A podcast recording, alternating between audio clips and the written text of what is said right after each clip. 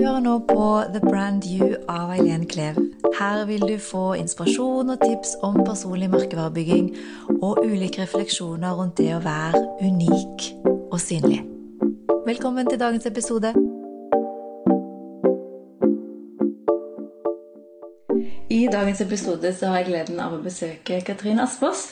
Og Katrine er gründer, foredragsholder og forfatter. Du nevnte at jeg skulle legge et poeng, eh, på dette med gründer. Hvor lenge har du vært gründer, egentlig? I Altså, egentlig så har jeg vært gründer i ti år. Men det var først i fjor at jeg begynte å lage det produktet som har ligget i emning lenge. Og, og hva tenkte du da? Det er et emosjonelt treningsstudio. Det er et treningsstudio der vi eh, får skikkelig bra eh, emosjonelle muskler. Emotional core. Ja. Det er veldig spennende. Egentlig så, så, bygger vi da en sånn grunnmur av uh, selvfølelse, egentlig. Og målgruppen er da Målgruppen, Og det er jo det vanskeligste spørsmålet som dere kan komme med. Målgruppen er Altså målgruppen er Jeg pleier å si det at målgruppen er mennesker og noen dyr. Og noen dyr? Ja, nå må du forklare. Nei, det er mer det der at det, det spørsmålet om målgruppe, det, det er krevende. Ja.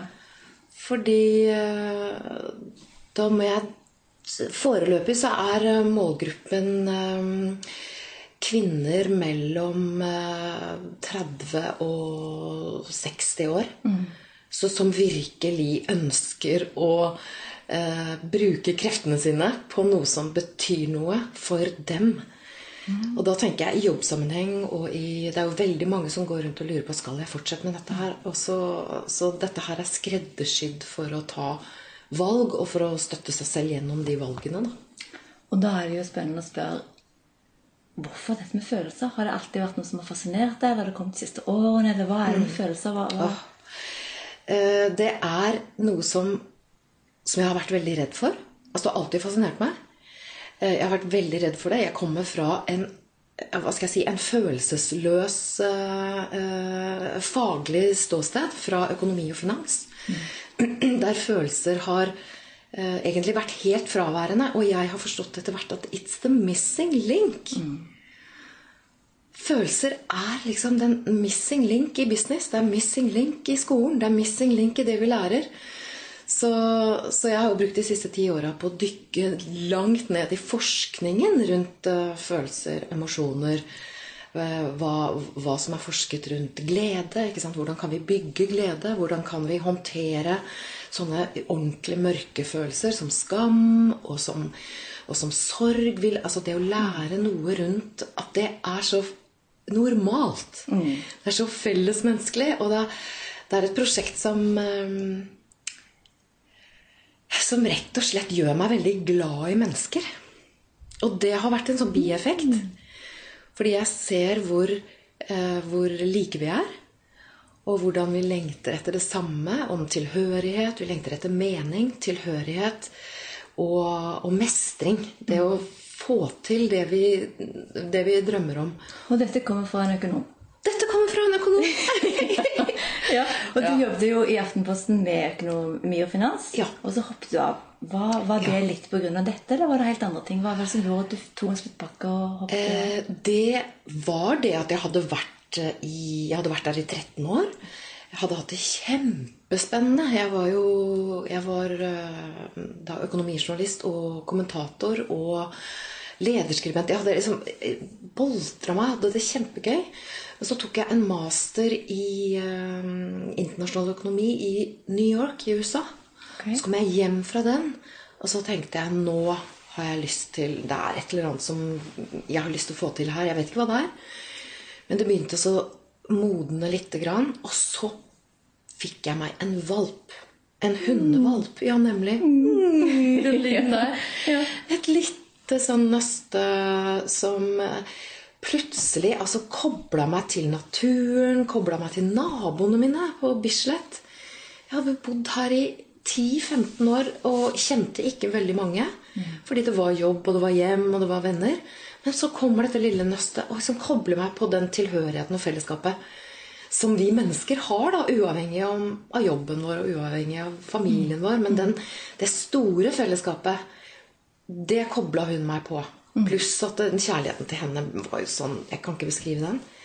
Og så kom det sluttpakke. Og så tenkte jeg wow, jeg kan være sammen med denne valpen hele tiden. Og finne på noe nytt. Det gjør jeg.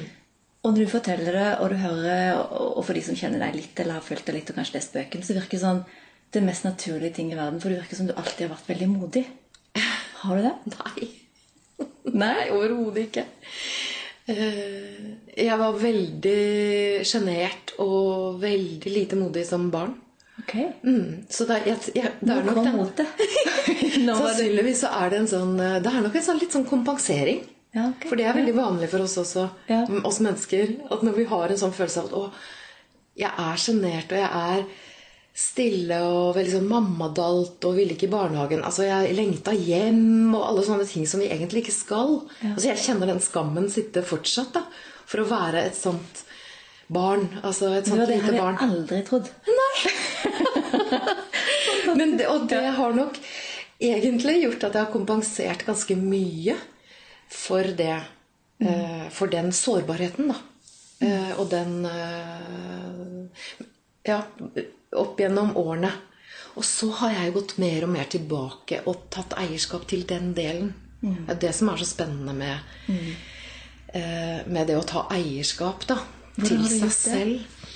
Eller hvordan fant du det? Eller hvordan, hvor på reisen var du på en måte kjente Ja. at det, nå må jeg tilbake til Nei, det var gradvis. Det var eh, Det, det starta jo med at jeg, det start, jeg Vi våkner jo. Det er jo veldig mange av oss som våkner på et eller annet stadium. Og jeg våkna da jeg slutta i Aftenposten. Eh, For det var, det var vanskelig. Altså Det var snakk om identitetsendring og, og Men da lag på lag så skjønte jeg mer Jeg skjønte at jeg må forstå disse følelsene jeg har nå. For at jeg, jeg var veldig misunnelig. Altså, det var den første følelsen jeg virkelig fikk tak i.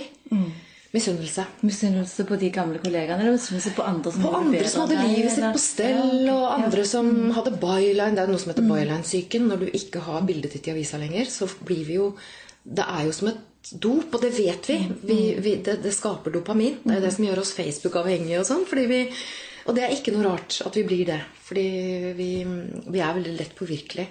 Men tilbake til eh, hvordan det skjedde. Jo, da fikk jeg da skjønte jeg å, jeg er misunnelig på søsteren min. Jeg var veldig misunnelig på søsteren min på den tiden. Og midt i den at jeg begynte å undersøke disse følelsene her som var ubehag, og så fikk jeg øye på skamfølelsen, som jeg syntes var kjempespennende, og skjønte at Og sårbarhet, forskningen til Brené Brown. Mm, Det var da det kom den første boka di. Det var da jeg kom på sporet Av raushetens tid. Det var, jeg kom på sporet av raushetens tid gjennom at jeg ble nysgjerrig på misunnelse og skam istedenfor å skamme meg over misunnelse og skam.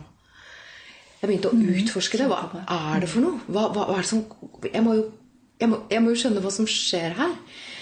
Var det lett for deg å gi slipp på den etter hvert? Var det lett for deg Nei, kjenne- nei, nei, nei, for det er jo ikke lett. Dette, det er derfor jeg kaller det styrketrening. For det, det går jo over lang, lang tid. Ehm, men det som, det som gjorde at jeg Nå går jeg liksom litt tilbake til det å være nysgjerrig på følelser. For det jeg hadde gjort i mitt voksne liv, mitt voksne profesjonelle liv, det var å lage et, eh, et skjold. Altså et sånt profesjonelt skall rundt denne lille eh, altså Det er jo også veldig vanlig bilde, men det føltes som en sånn tung rustning. Som besto av eh, mastergrader og prestasjon og ironi. Og vi var midt i ironigenerasjonen. Sarkasme, ironi, tilbakelent. Jeg skulle beskytte, da. Jeg ante ikke hva jeg beskyttet, men jeg, gradvis så tok jeg jo av det skallet. Og inni der, så Der er jo hele denne følelsespaletten. Og så har jeg jo vært nysgjerrig på det i ti år. Og skapt en business rundt det. Fordi jeg tenker at jeg, jeg unner altså alle mennesker å ha tilgang til den paletten av følelser. Og være nysgjerrig på dem. Og leve med dem. Fordi at livet blir jo så utrolig spennende og utrolig rikt. Det blir ikke smertefritt. Er du gæren? Det er jo ikke livet uansett. Livet er jo smerte, men det å dele det og vite at det er så normalt Og det å dele de historiene, det er jo det som er noe av prosjektet mitt. Å normalisere livet. da Normalisere misunnelsen og le av den. Liksom, skjønne at eh, Det jeg oppdaget med misunnelse, var jo at eh, det veldig ofte var beundring. Så jeg, jeg kaller det misunnelse beundring som har gått seg bort. Veldig bra. Ja. At jeg, var jeg beundra jo veldig søstera mi. Jeg beundrer jo veldig folk jeg fortsatt kan være misunnelig på. Sånn Venninner som får romankontrakter og sånn. Eller som klarer å skrive en roman. Sånn, som et eksempel. Men det er beundring. Så veldig fort så kan vi drive en sånn emosjonell alkemi. da. Og at uh, misunnelse blir beundring. Og sorg er jo veldig ofte kjærlighet. Og kjærlighet er, ikke, kjærlighet er jo det største. Det er, det er jo Det er jo noen som sier det at egentlig finnes det to følelser. Og det er kjærlighet, og det er frykt. Så vi kan drives av en av de store følelsene. Og, og, og, men det å være klar over det Ja. Og akkurat på den der misunnelse der, den eh, Det er kanskje ikke kommet derfra, men jeg, jeg kom på et ord som jeg husker fra den boka, den eh, Raushetens tid. Fantastisk. Fantastisk. ja. Det er et av de beste ordene. Det minner meg innimellom på, på å ha med seg. For den, den, fortell litt om den. Hvor kom den fra? Hva, Ja, altså Den kom fra et uh, trendinstitutt i USA. ok? Mhm, som heter Trendwatching. Som er kjempespennende. De gir bort enormt mye gratis. Jeg anbefaler alle å liksom monitore eller følge med på Trendwatching. Um, de kom med det begrepet under finanskrisen. Flasem. Og de kom med det at nå er vi så lei av svære corporate systemer som står og ljuger og er helt lukket og ikke viser hvem de er, og driver med forurensning og later som ingenting. Vi ønsker bedrifter og, og mennesker som er eh, feilbarlige, og som rydder opp etter seg, og som er flasome. Altså fla og awesome. Så feiltastisk. Så det å være autentisk, da, det å være ekte, og ikke stå og si noe utad og gjøre noe annet innad, det er å være flasom. For det er det motsatte av å være perfeksjonist. For det å være perfeksjonist, da ljuger vi jo og gjør hva som helst for ikke å vise hva som egentlig skjer bak. Perfeksjonismen er forresten skammens beste venn. Ja, det vil jeg tro. Og perfeksjonisten sladrer aldri. Sitter heller og drikker bak gardinene. Altså, det er, skam, det er, Så perfeksjonisme avler eh, veldig ofte skam. Og avler ganske dårlig oppførsel da, fra selskaper og sånn. Så det er mye bedre å være flasem. Og nå har du allerede vært inne på noen viktige begreper i forhold til eh, temaet i dag òg, som er personlig merkeavbygging, eller merkeavbygging generelt. Og da har vi vært inne på, som du nevnte nå, det med autentisk og perfekt. Og begge disse ordene er ord som eh, dukker opp når en skal, spesielt når en skal jobbe med personlig merkevare. Perfekt fordi man har den der higeren etter og fremstår som, kanskje. Eh, autentisk er nettopp det der med å finne den der coren, å være den du egentlig er. Personlig merkevare. Du har jo gått fra å ha Aftenposten, men du hadde jo navnet ditt likevel. Så det var jo litt eh, navneksponering, det var, men du hadde likevel Aftenposten som støtte. Og nå har du ingen, nå er det bare deg. Hvordan har, den, har, du, har du noen gang tenkt på at nå bygger jeg liksom merkevaren? og Det er faktisk min kompetanse og mine tanker og refleksjoner. Det er liksom meg som er min business. på en måte. Har du tenkt på det noen gang, eller er det bare noe som Ehm, det er jo der hele tiden. Det er klart jeg har tenkt på det, og da er det sånne praktiske ting som hva Hva firmaet heter? Ja, det er noe én ting, men det har noe med eh, Det har noe med hvordan, hvordan jeg oppfører meg. Ja. Og så hva jeg faktisk eh, hvordan, Hva jeg gjør, hva jeg deler i sosiale medier, hva jeg står for, hva jeg gir uttrykk for. Fordi det å, det å være modig, da, som du snakket om i sted, det er jo å legge ut kanskje noe som som kan være upopulært, f.eks. Altså det å Det å øh, Det å være Når man, man skriver om det å være fantastisk Så det å legge ut noe som virkelig er helt uperfekt ut i sosiale medier, det er det jo veldig Vi kvier oss jo for å legge ut dårlige bilder og dårlig altså det, Gjør du det?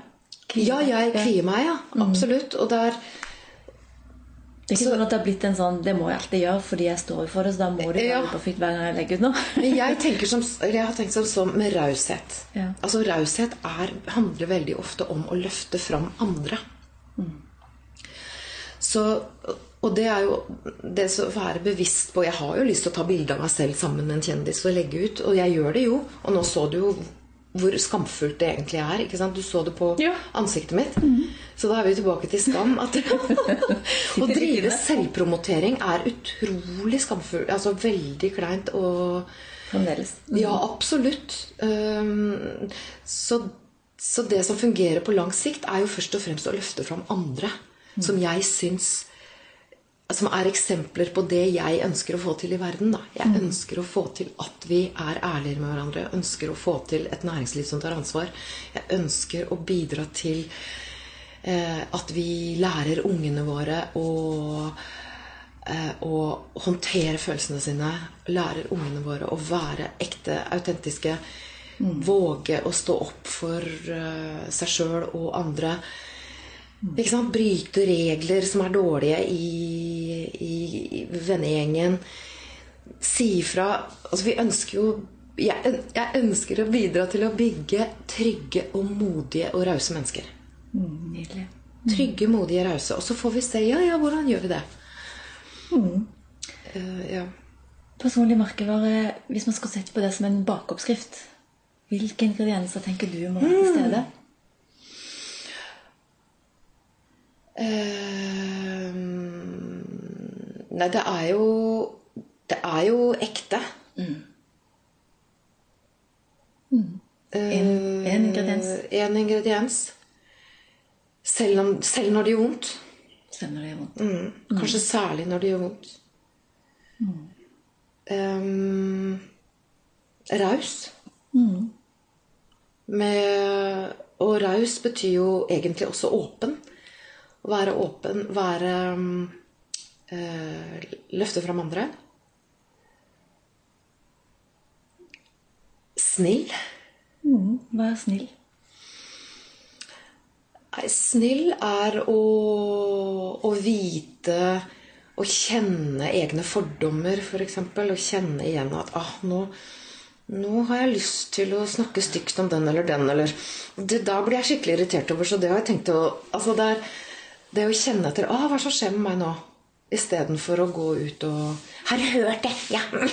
altså så alt som Men rett og slett øh, være eh, vel, velmenende, da.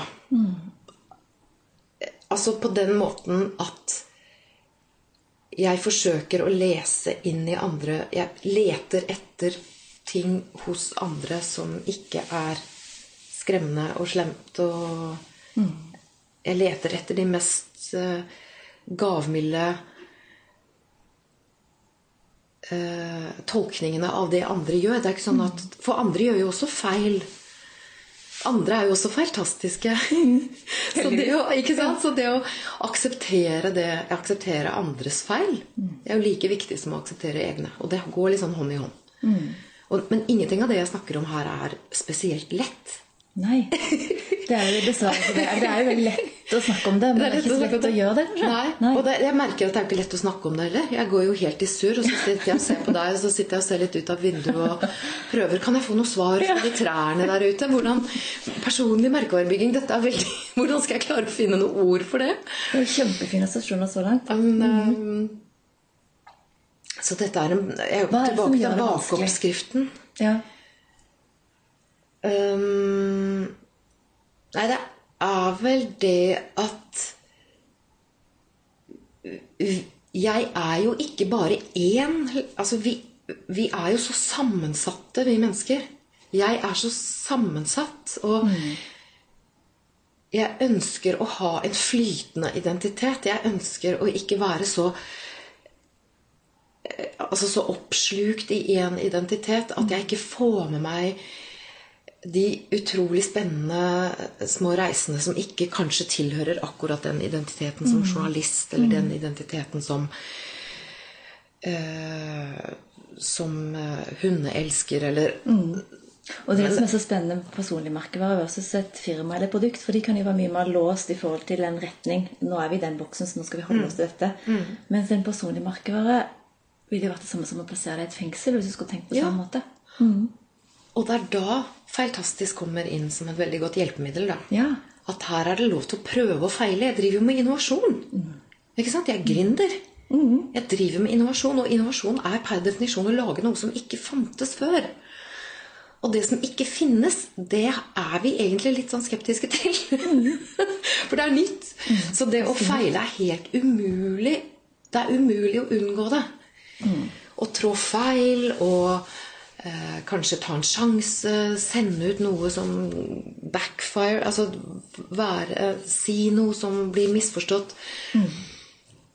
Det er veldig fort gjort. Det er veldig fort gjort. Og enten du driver med personlig merkevare i forhold til det å synliggjøre deg mer i jobbintervju, eller du er som, som deg i forhold til gründer, så er det noe med at eh, du må være litt mer bevisst på hva som på en måte er deg, selv om det ikke blir at du låser deg i en boks. Hvor bevisst er du på, på deg? Virker som du har gjort utrolig mye refleksjoner eh, både på den ene og den andre siden. Hvis du skulle beskrive, beskrive deg med tre ord Eh, jeg kan jo egentlig beskrive meg gjennom verdiene Ja. mine. Altså de verdiene jeg styrer etter nå for tiden. Fordi jeg, jeg, jeg går, tar en gjennomgang av det hvert år. Wow, kult. Eh, Både verdier og mål og, og visjon.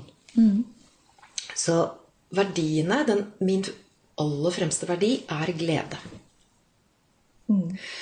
Det å skape ut fra glede. Og hva er glede? Hvordan vet du at det er glede? Det er når, eh, når Eller kall, ja, det er når jeg Når jeg kjenner en sånn Når jeg kjenner at mine egne øyne begynner også å blinke, når jeg kjenner at det er noe fra innsiden som begynner å boble litt um, Og så kan jeg gjenkjenne når det ikke er glede. Og da er det jo ofte frykt. Så, jeg, så det er en fin måte å gjenkjenne frykten og bekymringen på. Og, og, og ikke dømme frykten og bekymringen, men bare være liksom våken på ah, der var du igjen, ja. Det er ikke noe rart, fordi at vi er jo utstyrt med en hjerne. Vi er jo pattedyr. Vi er jo utstyrt med en hjerne som ikke skal holde oss glad og, og modige. Den, den skal holde oss redd og skeptisk. Den skal holde oss i live. Ja. Men har du tenkt på at frykt eh, kan være glede i forkledning? Nei, fortell. Jeg tenker over til, for, i hvert sånn jeg har opplevd frykt, så kan det være frykt fordi jeg gruer meg veldig til noe. Mm. Eh, Jeg skal holde et foredrag så tenker dette er dritskummelt. jeg gruer meg nesten lyst til å være syk. Altså jeg har skikkelig mye Mm. frykt i kroppen. Og så tenker jeg, men egentlig så er det entusiasme. Jeg er egentlig Kroppen er bare så klar. Den er bare sånn, sitter på at dette er gøy, dette er gøy. Så egentlig så er det masse glede i det, men jeg kan tolke det som frykt og la være å gjøre det. Eller jeg kan bare fortsette med det og kjenne på Det Det er var veldig fint. Ja. Så kanskje noen ganger så er frykt faktisk glede. Man Det er frykt er glede som har gått seg bort. Ja, kanskje. Det er jo sånn som misunnelse ja. som er beundring, som har gått seg bort. Det var fint. Den, type, den type frykt, ja. Og, men det som også Nå kom jeg på det er ikke bare frykt som står i veien for min glede, det er også sinne. Sinne, ja. ja. Eh, Det, og det, det, det er jo sinne? på en måte, hva, Hvordan kan den komme Altså, i jeg kan I veldig mange, mange år så, så produserte jeg ut fra indignasjon og liksom grunnleggende raseri over urettferdighet i verden. Grunnleggende raseri over urettferdighet mellom kvinner og menn. Eh, over å bli undervurdert. Eh, ikke sant? Så det var et grunnleggende raseri der. Når jeg satt og skrev kommentarer og altså Jeg gjenkjenner det. Det er veldig lett tilgjengelig for meg. Det sinnet. Det kommer veldig fort. Men jeg opplever jo at det jeg skaper nå, det blir utrolig mye bedre når jeg får er nysgjerrig på den sinnen og får kanalisert det over i kjærlighet. Ja. Til det jeg ønsker å få til, istedenfor Ja. det jeg er indignert For over. sinne har masse drev i seg. Ja, ja, ja. Så det er spennende. Ja. Så, men, men det å ha, for meg Nå sier jeg ikke at all, For meg så er glede et utrolig en, en verdi nummer én. Eller glede, kjærlighet. Fordi du snakker om mot. Og motet mitt kan bli brutalt hvis jeg ikke styrer etter glede. Fortell. Hva mener Det er fordi jeg har så enormt mye jeg har lyst til å få til. Er det brutalt for andre eller deg? For andre og for meg. Det kan være jeg, at jeg driver det så hardt at det blir brutalt for at Ja. det går innover. Og helsa og Ja, fordi jeg vil så mye. Og da glemmer jeg gleden. Sånn at eh, det å ha den gleden som min ledestjerne, det er kjempeviktig. Og det trigger jo Verdier kan jo komme i, i konflikt med hverandre. Det trigger jo sånne ting som eh, seriøs, f.eks. Altså å ha glede som første verdi. Det er jo helt useriøst. Altså, går, Ja. går det an å tenke Ja. Hva vil de tidligere kollegene si om ja, det nå? ikke sant? Hvis jeg skulle stått på en sånn ø, finanskonferanse og si 'jeg styrer etter kjærlighet' Altså, Det er jo veldig lett å latterliggjøre det, ikke sant? Men for meg så er det Det gjør ikke noe om folk ler av det. Fordi, Så deilig. fordi at det, jeg lager best Jeg vet sjøl at jeg lager best ting. Og mest innovative ting. Og modigste ting. Og fineste ting når jeg styrer etter glede. Og Da kom jeg på en, eh, en leder vi hadde på en av de jobbene jeg har hatt tidligere, som kom inn som ny. Han har akkurat begynt, og sier han et av de første åpningstalene han hadde til oss ansatte, var Du, vi er ikke på jobb for å ha det gøy. Og da tenkte jeg at ja, da kanskje på feil sted. Men nå når du sa leder, Ja. så det, det er jo veldig morsomt. da. For det, en le, det går an å være en leder, og det går an å være en gleder. Ja. Ja. Fortell. Ikke sant? Nei, altså Hva er en leder versus en gleder? Jeg tenker en leder altså Hvis jeg skal snakke om mm, øh, indre markedsføring, da Eller nei, indre, ja, indre markedsføring driver vi faktisk òg med. Men, Ja. Markedsbygging eller Men- eh, indre ja, Så min indre leder Ja. uh, peker jo retning. Og, og, og liksom ser at ah, vi vil dit. Jeg vil til OL i Helsinki. Jeg vil stå på scenen sammen med George Clooney og Brené Brown. Jeg vil ha dette, den emosjonelle styrketreningen ut i verden. Det er lederen min som sier vi Dit, dit, dit er vi på vei. Og så har du glederen som sier 'Å, her ligger hunden min'. Altså Det er den der som, som er til stede hele tiden og ser at det er jo veien dit som er livet. Ikke Det er jo smaken mm -hmm. av den kaffen jeg har ved siden av meg her. Det er samtalen med deg. Det er å se ut på trærne og kjenne luften og høre liksom hunden min bjeffe litt i søvne. Altså, det er jo glederen. Så glederen og lederen er veldig viktig team sammen. Ja, når de går sammen. Ja. Og ikke den å prøve å ta over den andre. Men det er en sånn balanse. Så hvis vi tilbake til verdiene, vi har gjort veldig mye på glede. Er det noen andre som du tenker også er viktige for eh, det? Dette er typisk meg. Dette er meg, liksom. Det er glede. Kvalitet. Kvalitet, da. Kvalitet eh, fikk jeg, fikk jeg sånn boff, Perfeksjonisten meg opp. Ja, så gøy! Så hva er kvaliteten? Det var spennende. Kvalitet, det er ehm, Det er å Det er å lage eh, Det er å lage Det er for det første å være Å, å lage det jeg Å lage det så fint som overhodet mulig. Og, og, og så For deg eller andre? For, for meg og andre. Men at jeg Sånn som jeg har kurs nå, da. Jeg har jo kurs med 100 stykker som går på kurs i mm. emosjonell styrketrening. Live eller online, da? Online. Ja, og live. Okay, så vi møtes deler. Ja. live eh, nå i mai på Salt i Oslo. Ah, og det går går an å bli med. Det går an å bli med på det. Det er bare å ta kontakt, så, Ja. så går det an å bli med. Men jeg ønsker at det kurset skal ha så høy kvalitet. Sånn at de Det skal være vakkert. Det, jeg vil at det skal være kunnskapsrikt. Jeg ønsker det skal være praktisk. altså Veldig lett å bruke. Det skal være morsomt. Det skal være kvalitet på humoren i det. Det skal være kvalitet på oppfinnsomheten i det. Det skal være kvalitet på det historiene som vi knytter oss til eh, Det blir som et leirbål, da. Hvor vi sitter og lærer. Og hvor vi sitter og bygger den emosjonelle Rundt et leirbål. ja. ja, altså rundt dette, Ja. rundt dette leirbålet. Uh, og vi er vel 30 der når vi har live klasserom. okay. Så er vi 30. Ja. Men det er uh, Så kvalitet der, det betyr jeg ønsker da at de som er De som trener hos meg, skal sitte igjen og tenke Wow, dette har jeg bruk for resten av livet. Dette kommer jeg til å huske resten av livet. Dette kommer jeg til å bruke resten av livet. Uh, dette har jeg lyst på å lære mer om. Dette kommer til å spre seg til barna mine. Det kommer til å spre seg på jobb Altså det, det er kvalitet for meg. Det har med mm, levere noe som andre virkelig har bruk for. Og som jeg har bruk for. Så da er kvalitet, og vi hadde glede. Er det en til? Eller er det de som er de aller viktigste? er typisk deg. Eh,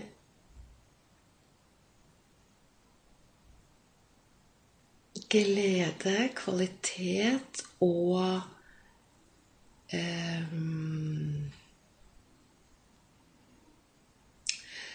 Raushet er jo en ehm, Det å være Så for meg er det en lang, det har vært en lang, lang, lang reise å gå fra å være dømmende til ikke-dømmende. Ja. Så raushet har veldig mye med det indre Altså det å være journalist det er veldig rart, Jeg skal ikke skylde på det, men det å være journalist er jo egentlig å gå ut i samfunnet og finne det dysfunksjonelle. Det er Og det som dømme det. måte er storyen, på en måte. Ja, Det er det som har vært journalistikk til nå. Ikke. Det er i endring. Takket være sånne som deg som går rundt og stiller spørsmål. Dette er jo journalistikk. Dette er jo medierevolusjonen. Det er det. Du sitter der og, og er på jakt etter noe. Det er medierevolusjonen. Og du er det. Men journalistikk sånn som jeg praktiserte det i 20 år, var jo gå ut og døm levende og døde. Eller gå og finn ting du Finn feil. Finn feil. eh, Og påpek dem. Og sett folk til ansvar. ikke sant? Så det er jo en veldig sånn dømmende virksomhet. Nå sier jeg ikke at det er feil, fordi vi trenger, det, det går an å, å se på det. Hva er det for noe? Så det å gå rundt og i livet med en dømmende holdning til seg selv og andre, det er veldig smertefullt. Så for meg er raushet det å praktisere det å være undrende. Nysgjerrig. Undrende. Wow, hva skjer nå liksom, mellom oss? Hva, hvorfor ble jeg så irritert nå? Irritasjon er en fantastisk følelse. Den er så lett tilgjengelig. Og den, det er den første vi begynner med i kurset. Ja. Fordi den er så enormt lett. Den dukker opp så fort. Så det å være undrende, da. Neimen? Det er litt det samme som å få ta se seg selv i full perspektiv innimellom og bare se ok, hva er det som skjer nå? Ja.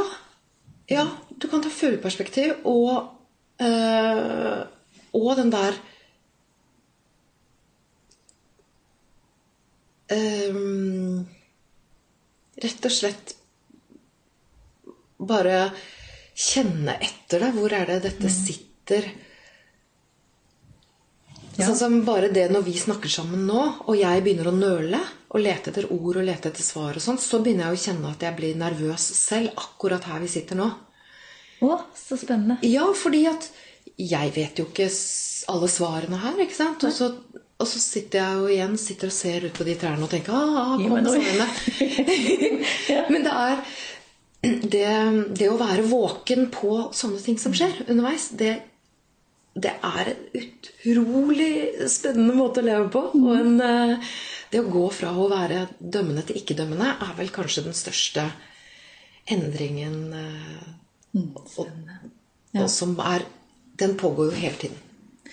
Og de som har gått på kurs hos deg, du sier det er rundt 100 nå, ehm, og det kommer sikkert enda flere i fremtiden òg. Hva ønsker du at de skal si om deg når du går ut fra rommet eller når de er ferdig med kurset? Jo, altså, Katrine, hun var prikk, prikk, prikk. Ja, hun eh, var motiverende. Altså utrolig god til å lære bort. Og kjempemotiverende. Og støttende. Og, og morsom. Og, og, og gjorde Altså historien hennes var sånn at jeg husker stoffet, for det er jo mye det er jo, my, det er jo mye å lære, ikke sant? Og så er det Men jeg husker jo dette her. Det har betydd masse for meg. Jeg, jeg kjenner meg mye sterkere og mye gladere og roligere og modigere. Mm, utrolig kult. Det med følelser jeg har jeg opplevd eh, til og med coacher som har sagt at de syns det å føle seg så skummelt at de lar være av og til å stille spørsmål, for de er redde for at det skal komme noe som de ikke klarer å håndtere. Men du har jo kurser hvor, dette, hvor, man, hvor følelser er en del som man motiverer uansett hvilke følelser som skal komme opp. Du har aldri vært redd for at det skal bli for mye? At du ikke skal klare å håndtere det hvis en person får for mye Nei. kontakt med Hva tenker du om det? Nei, fordi at For det Vi har jo um, Underveis i kurset så har vi jo eh, Det finnes jo veldig helt sånn konkrete verktøy og teknikker som håndterer, som, som håndterer veldig sterke følelser. Og det er ikke noe farlig. Altså Det er ikke noe rart. Ikke er det rart at vi har sterke følelser, og ikke er det farlig. Så, så, så det er én Den viktigste, altså grunnmuskulaturen i emosjonell styrketrening, det er det som eh, Det er det som heter egenkjærlighet. egenkjærlighet. Det å praktisere egenkjærlighet gjennom vanskelige tider, gjennom gode tider. Og, og, og det å håndtere det å lære seg det skikkelig da står vi så godt rusta til sånne stormer, da. Og vi går også gjennom noe som vi kaller for vinternettene. Fordi vi, vi har jo en sånn saying at ja, du har eller hun eller han har vært ute en vinternatt før. Ha- eh? Hun har vært ute en vinternatt før. Og det er på en måte en anerkjennelse. Det er litt sånn Wow! She weathered the storm. Altså, hun sto der og vært gjennom de vinternettene. Kult! Og det er, da som, det er da mitt poeng er Hvorfor stuer vi de vinternettene litt sånn skamfullt ned i kjelleren? Få de vinternettene opp. På peishylla, liksom. Vi Ikke sant? Wear your scars like a crown. Altså, ei det. Så, så det å jobbe gjennom vinternetter og si wow, 'Dette her har jeg opplevd. Det har jeg opplevd. Så kult.' Hadde vi lest i en historie eller hadde vi lest i en roman, så ville vi jo tenkt 'Wow, så modig'. Altså, så, Og det er de man husker syns det er gøy å lese om. Nemlig. Ja. Så vi jobber med det. Vi jobber med heltereisen. Altså hele den eh, Alle sagn og alle eventyr er jo egentlig handler om samme mal. Så egentlig så er kurset ditt på en måte en eh, bevisstgjøring i sin egen personlige merkevare. Ja, det kan du egentlig godt si. Når vi snakker sammen nå, så blir det jo veldig tydelig at det er det. Mm. Finne er det tilbake sånn til å ta vekk alt som ikke er, og sette ting i ja. Ta eierskap til egen reise. Ja. Og elske oss selv mens vi holder på. Det er jo Brené Brown igjen som sier det. Det er det modigste vi kan gjøre noen gang. Det er å ta eierskap til hele historien. Mm.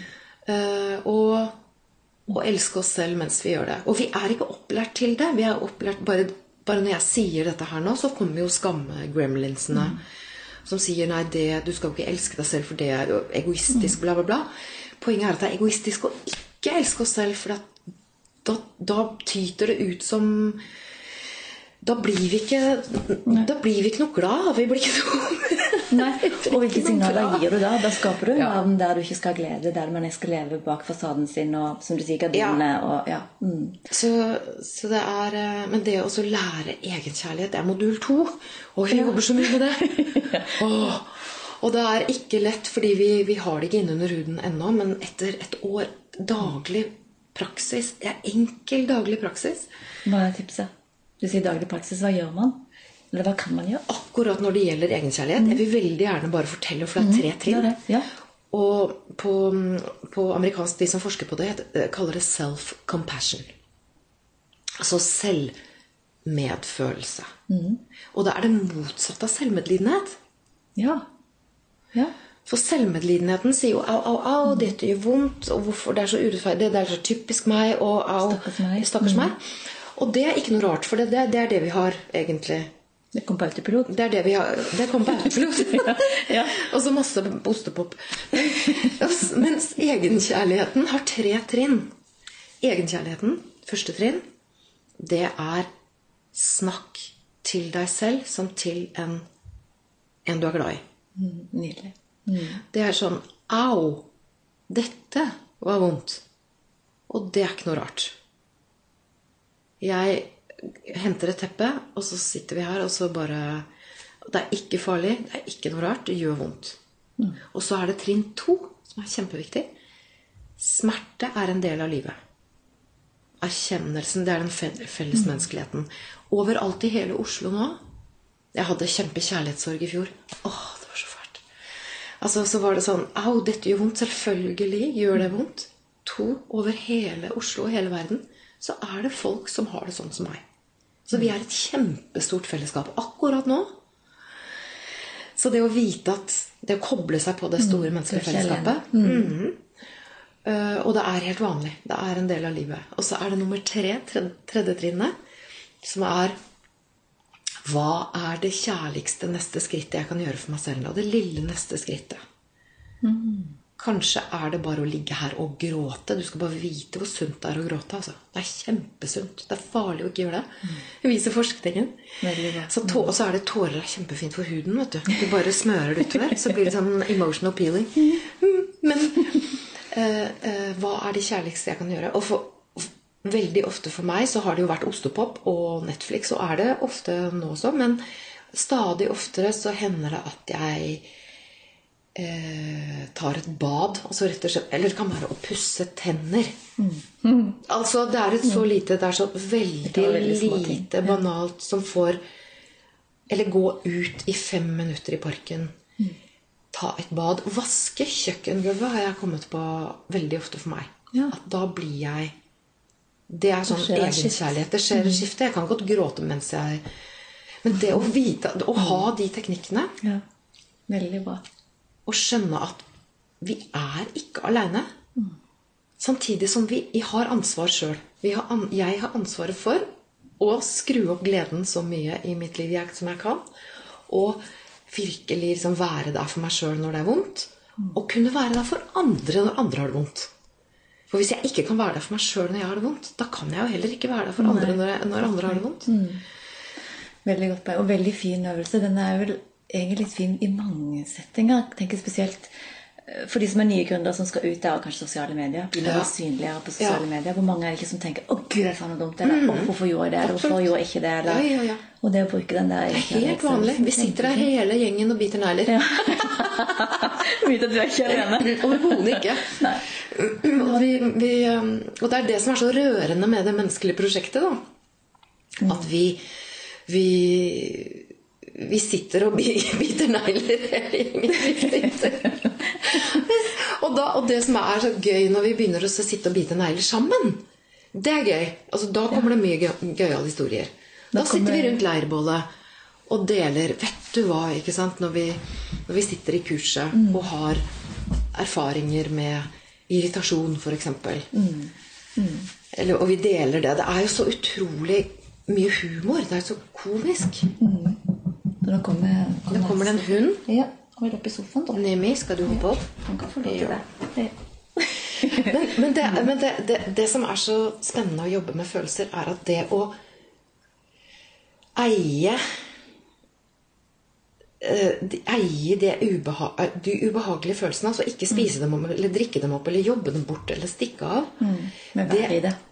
Men det å evne å eh, akseptere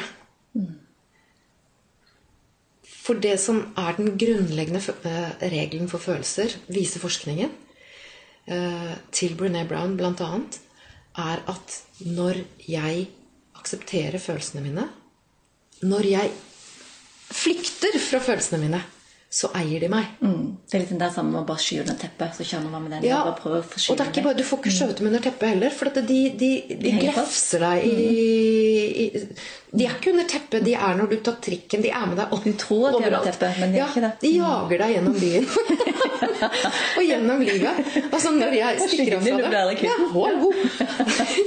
Mens når jeg tar eierskap til dem, så er det jeg som eier dem. Og det tar rent fysiologisk halvannet minutt å la en følelse gå gjennom kroppen. Fantastisk. Det kan ta et helt liv, eller det kan ta halvannet minutt. Veldig bra. Så, som, så jeg bruker ofte som eksempel fordi jeg ikke har barn. Jeg kommer jo aldri til å få barn. Og det er jo, altså det er jo en sånn Det har vært en lang sånn akseptprosess og lang sorgprosess også, selv om Men jeg, jeg kan velge å stikke av fra den sorgen, eller stikke av fra fra de tårene eller, og fra de- den opplevelsen. Og la det jage meg gjennom livet. Eller jeg kan være villig til å gråte de tårene eh, sitte der med den sorgen som egentlig For det første får du jo kjempefin hud, og for det andre så Og så utdypes jo evnen til ømhet, f.eks. Evnen til å kjenne ømhet. Evnen til å møte andre, høre andres historier. Blir så mye større, og gleden blir større etter hvert. Sånn at det å romme hele dette her eh, følelsesregisteret, det er så gøy. det er så spennende. Jeg også det blir bare mer og mer gøy til meg å høre om det. Men det er ett ord som jeg har lyst til å diskutere litt med deg. Det er dette med å være synlig. Ja. Fordi eh, du har kanskje vært synlig i hele din karriere i som journalist og nå som alene. Men nå som alene så er du kanskje enda mer synlig. Eller er du det? Kanskje. Det vet jeg ikke. Nei. For det er mange som syns det er dritskummelt. Og spesielt når vi skal jobbe med personlig merkevare, hvor det er deg og din person som skal bli mer synlig. Uh, Hva vært- tror du det er som gjør at det er skummelt? Det var det jeg tenkte jeg skulle spørre deg om. Nå spurte jeg deg. Hva tenker du selv? Jeg tror, du har jo også ja, et personlig Jeg tror veldig mye er den der ønsket om å bli likt. Ønsket om at folk skal synes at det du kommer med, er bra. Ønsket at alle skal like deg. Eh, og spesielt den der frykten for å ikke være god nok eh, når du kommer ut med ting. Men det er vel kanskje det mest såre at Kanskje det som vi var innom på i stad, at så mange av oss eh, har tidligere i hvert fall levd veldig mye i forhold til de der barrierene på at vi har skjult oss selv gjennom sånne titler og Profesjonalitet og- og sånn. Og når vi plutselig nå skal begynne å bli synlig på meg, så er det ganske skummelt. Fordi det kommer så mange følelser. Så det er veldig mye følelsen som ligger i Det bunnen. er det. Det var interessant. Takk for svar. Mm. Ja. Uh, synlighet, ja. Så hva er det beste tipset? Du har jo nevnt selv at du kommer fra en barndom hvor du likte å være litt mer usynlig, hvor du var litt mer sjenert. Og nå er det jo veldig naturlig synlig. Og tar plass i rommet og er på en måte der. Hva er tipsene som vi kan gi andre som skal ut og bli mer synlig? Bli mer modig på å vise hvem de er og hva de står for, på godt og vondt, for så vidt?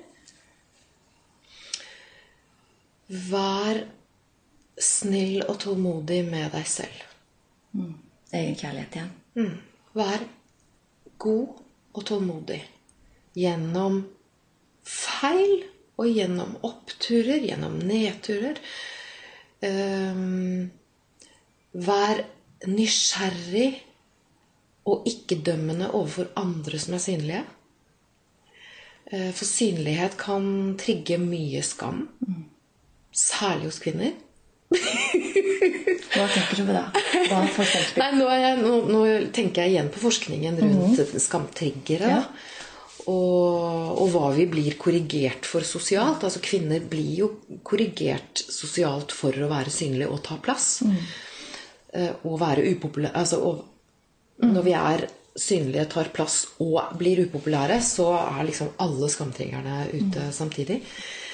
Så det bare være var på det. Ikke tenke 'Å nei, nå, jeg burde ikke være sånn', eller jeg, 'Dette her er ikke noe å være redd for'. Jo, men ei den frykten, da. Og husk at det er så mange andre som Alle som- sitter vi og biter negler. ja.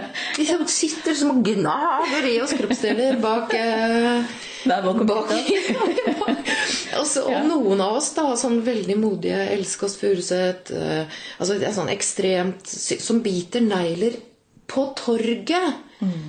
Og det er til lettelse for alle oss andre, ikke sant? Så det å våge å bite negler på torget, det er et kjempegod øvelse. Eh, Da er du synlig. Da, er du, da eier du neglebitingen. Så det å eh, Det å, mm, å ta eierskap til egentlig hele reisen Og det, det er noe som heter sårbarhetshangover. For det å være synlig og være tydelig eh, Det å da kjenne etterpå Å, herlighet, hva jeg har jeg gjort? Det er også helt normalt. Det heter vulnerability hangover når vi er sårbare. Og det er jo sånn, sårbarhet er jo ikke svakhet. Sårbarhet er egentlig vårt altså mest presise mål på mot. Det å gå ut der og være ekte, det er å være sårbar. Ta av rustningen. Eh, skape på egne premisser. Være kompromissløs på at det er glede som er min første verdi. Det er ikke seriøs. Eh, for dette er noe helt annet. Men jeg er seriøst opptatt av glede.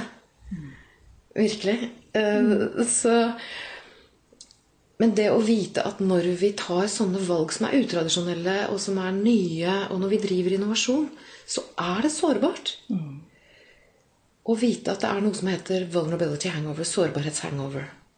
Kjempefint. Den har jeg hørt. Eller har kanskje hørt den, men den, den resonnerer veldig. Ja. Når du har lagt ut noe, når du lurer er dette bra nok Helt vanlig. Så, så Hadde ikke Brené Brown også en, en, en TED-talk? Jo, Eller en, en to. talk med en som hvor hun nevner akkurat det. Jeg brukte kanskje ikke ordet, men der hun var veldig synlig, og så fikk hun den der! For hun fikk mye kritikk etterpå. Så Altså, all den forskningen forskningen jeg, jeg kommer med når det gjelder sårbarhet og mot og perfeksjonisme og skam, det er Brené Brown. Som er den største game changeren i verden akkurat nå, for meg. Når det gjelder eh, å ta eierskap til eh, følelser. Du, nå har jeg brukt sikkert altfor lang tid i forhold til hva vi egentlig skulle gjøre. eh, For jeg lovte en halvtime, nå har vi vært på i 50 minutter. Men hvis vi skulle avslutte med noen sånne Ok, dette er tipsene jeg skal gi alle som skal inn. Og ikke bare inn, de skal ut. Både inn og ut. Og synliggjøre mer av hvem de er og hva de står for. Hva tenker du altså, hvis vi skal oppsummere? For du har gitt så utrolig mange nydelige assosiasjoner og tips. Hvis vi skal oppsummere, eller om det kommer noen nye ting som du tenker at de må jeg bare få sagt. Vi skal runde av. Eh, tre tips når du skal ut og være synlig og modig og bygge merkevare, så er det én vær god og tålmodig med deg selv. To vær ikke-dømmende. Vær nysgjerrig og undrende på andre. Eh, løft fram folk du digger. Masse. Eh, og så er det den som jeg ikke har snakket om, men det er å praktisere takknemlighet. Aktivt. Praktisere takknemlighet. Sitte i bilen, skru av radioen og beise på med alt fra smaken av kaffe til eh, ah, at jeg sitter inne i bilen, at jeg kan kjøre et sted. Altså alt. At jeg kan trekke pusten dypt. At eh, at jeg får lov til å være, at jeg får lov til å være her. Altså i det hele tatt være i live, uansett om det er vondt eller eh, Så takknemlig over at vi er sammen om dette her. Takknemlig for at vi sitter og biter negler i gjengen. Takknemlig for alle de som gjør modige ting. Så finn heltene dine. Finn heltinnene dine. Bruk tida på dem.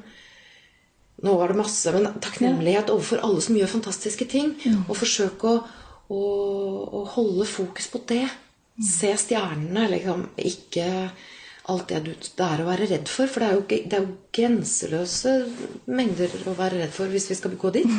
Men det er ikke det som bringer oss ut, og bringer oss uh, Som bringer vårt uh, unike fingeravtrykk ut. Det er ikke frykten som driver det. Det er kjærligheten. Og takknemligheten og fellesskapet. Åh, vet du hva, Jeg skulle ønske jeg kunne bare tatt med deg hjem. Som liksom bare en del av eh, Jeg kan være din personlige trener.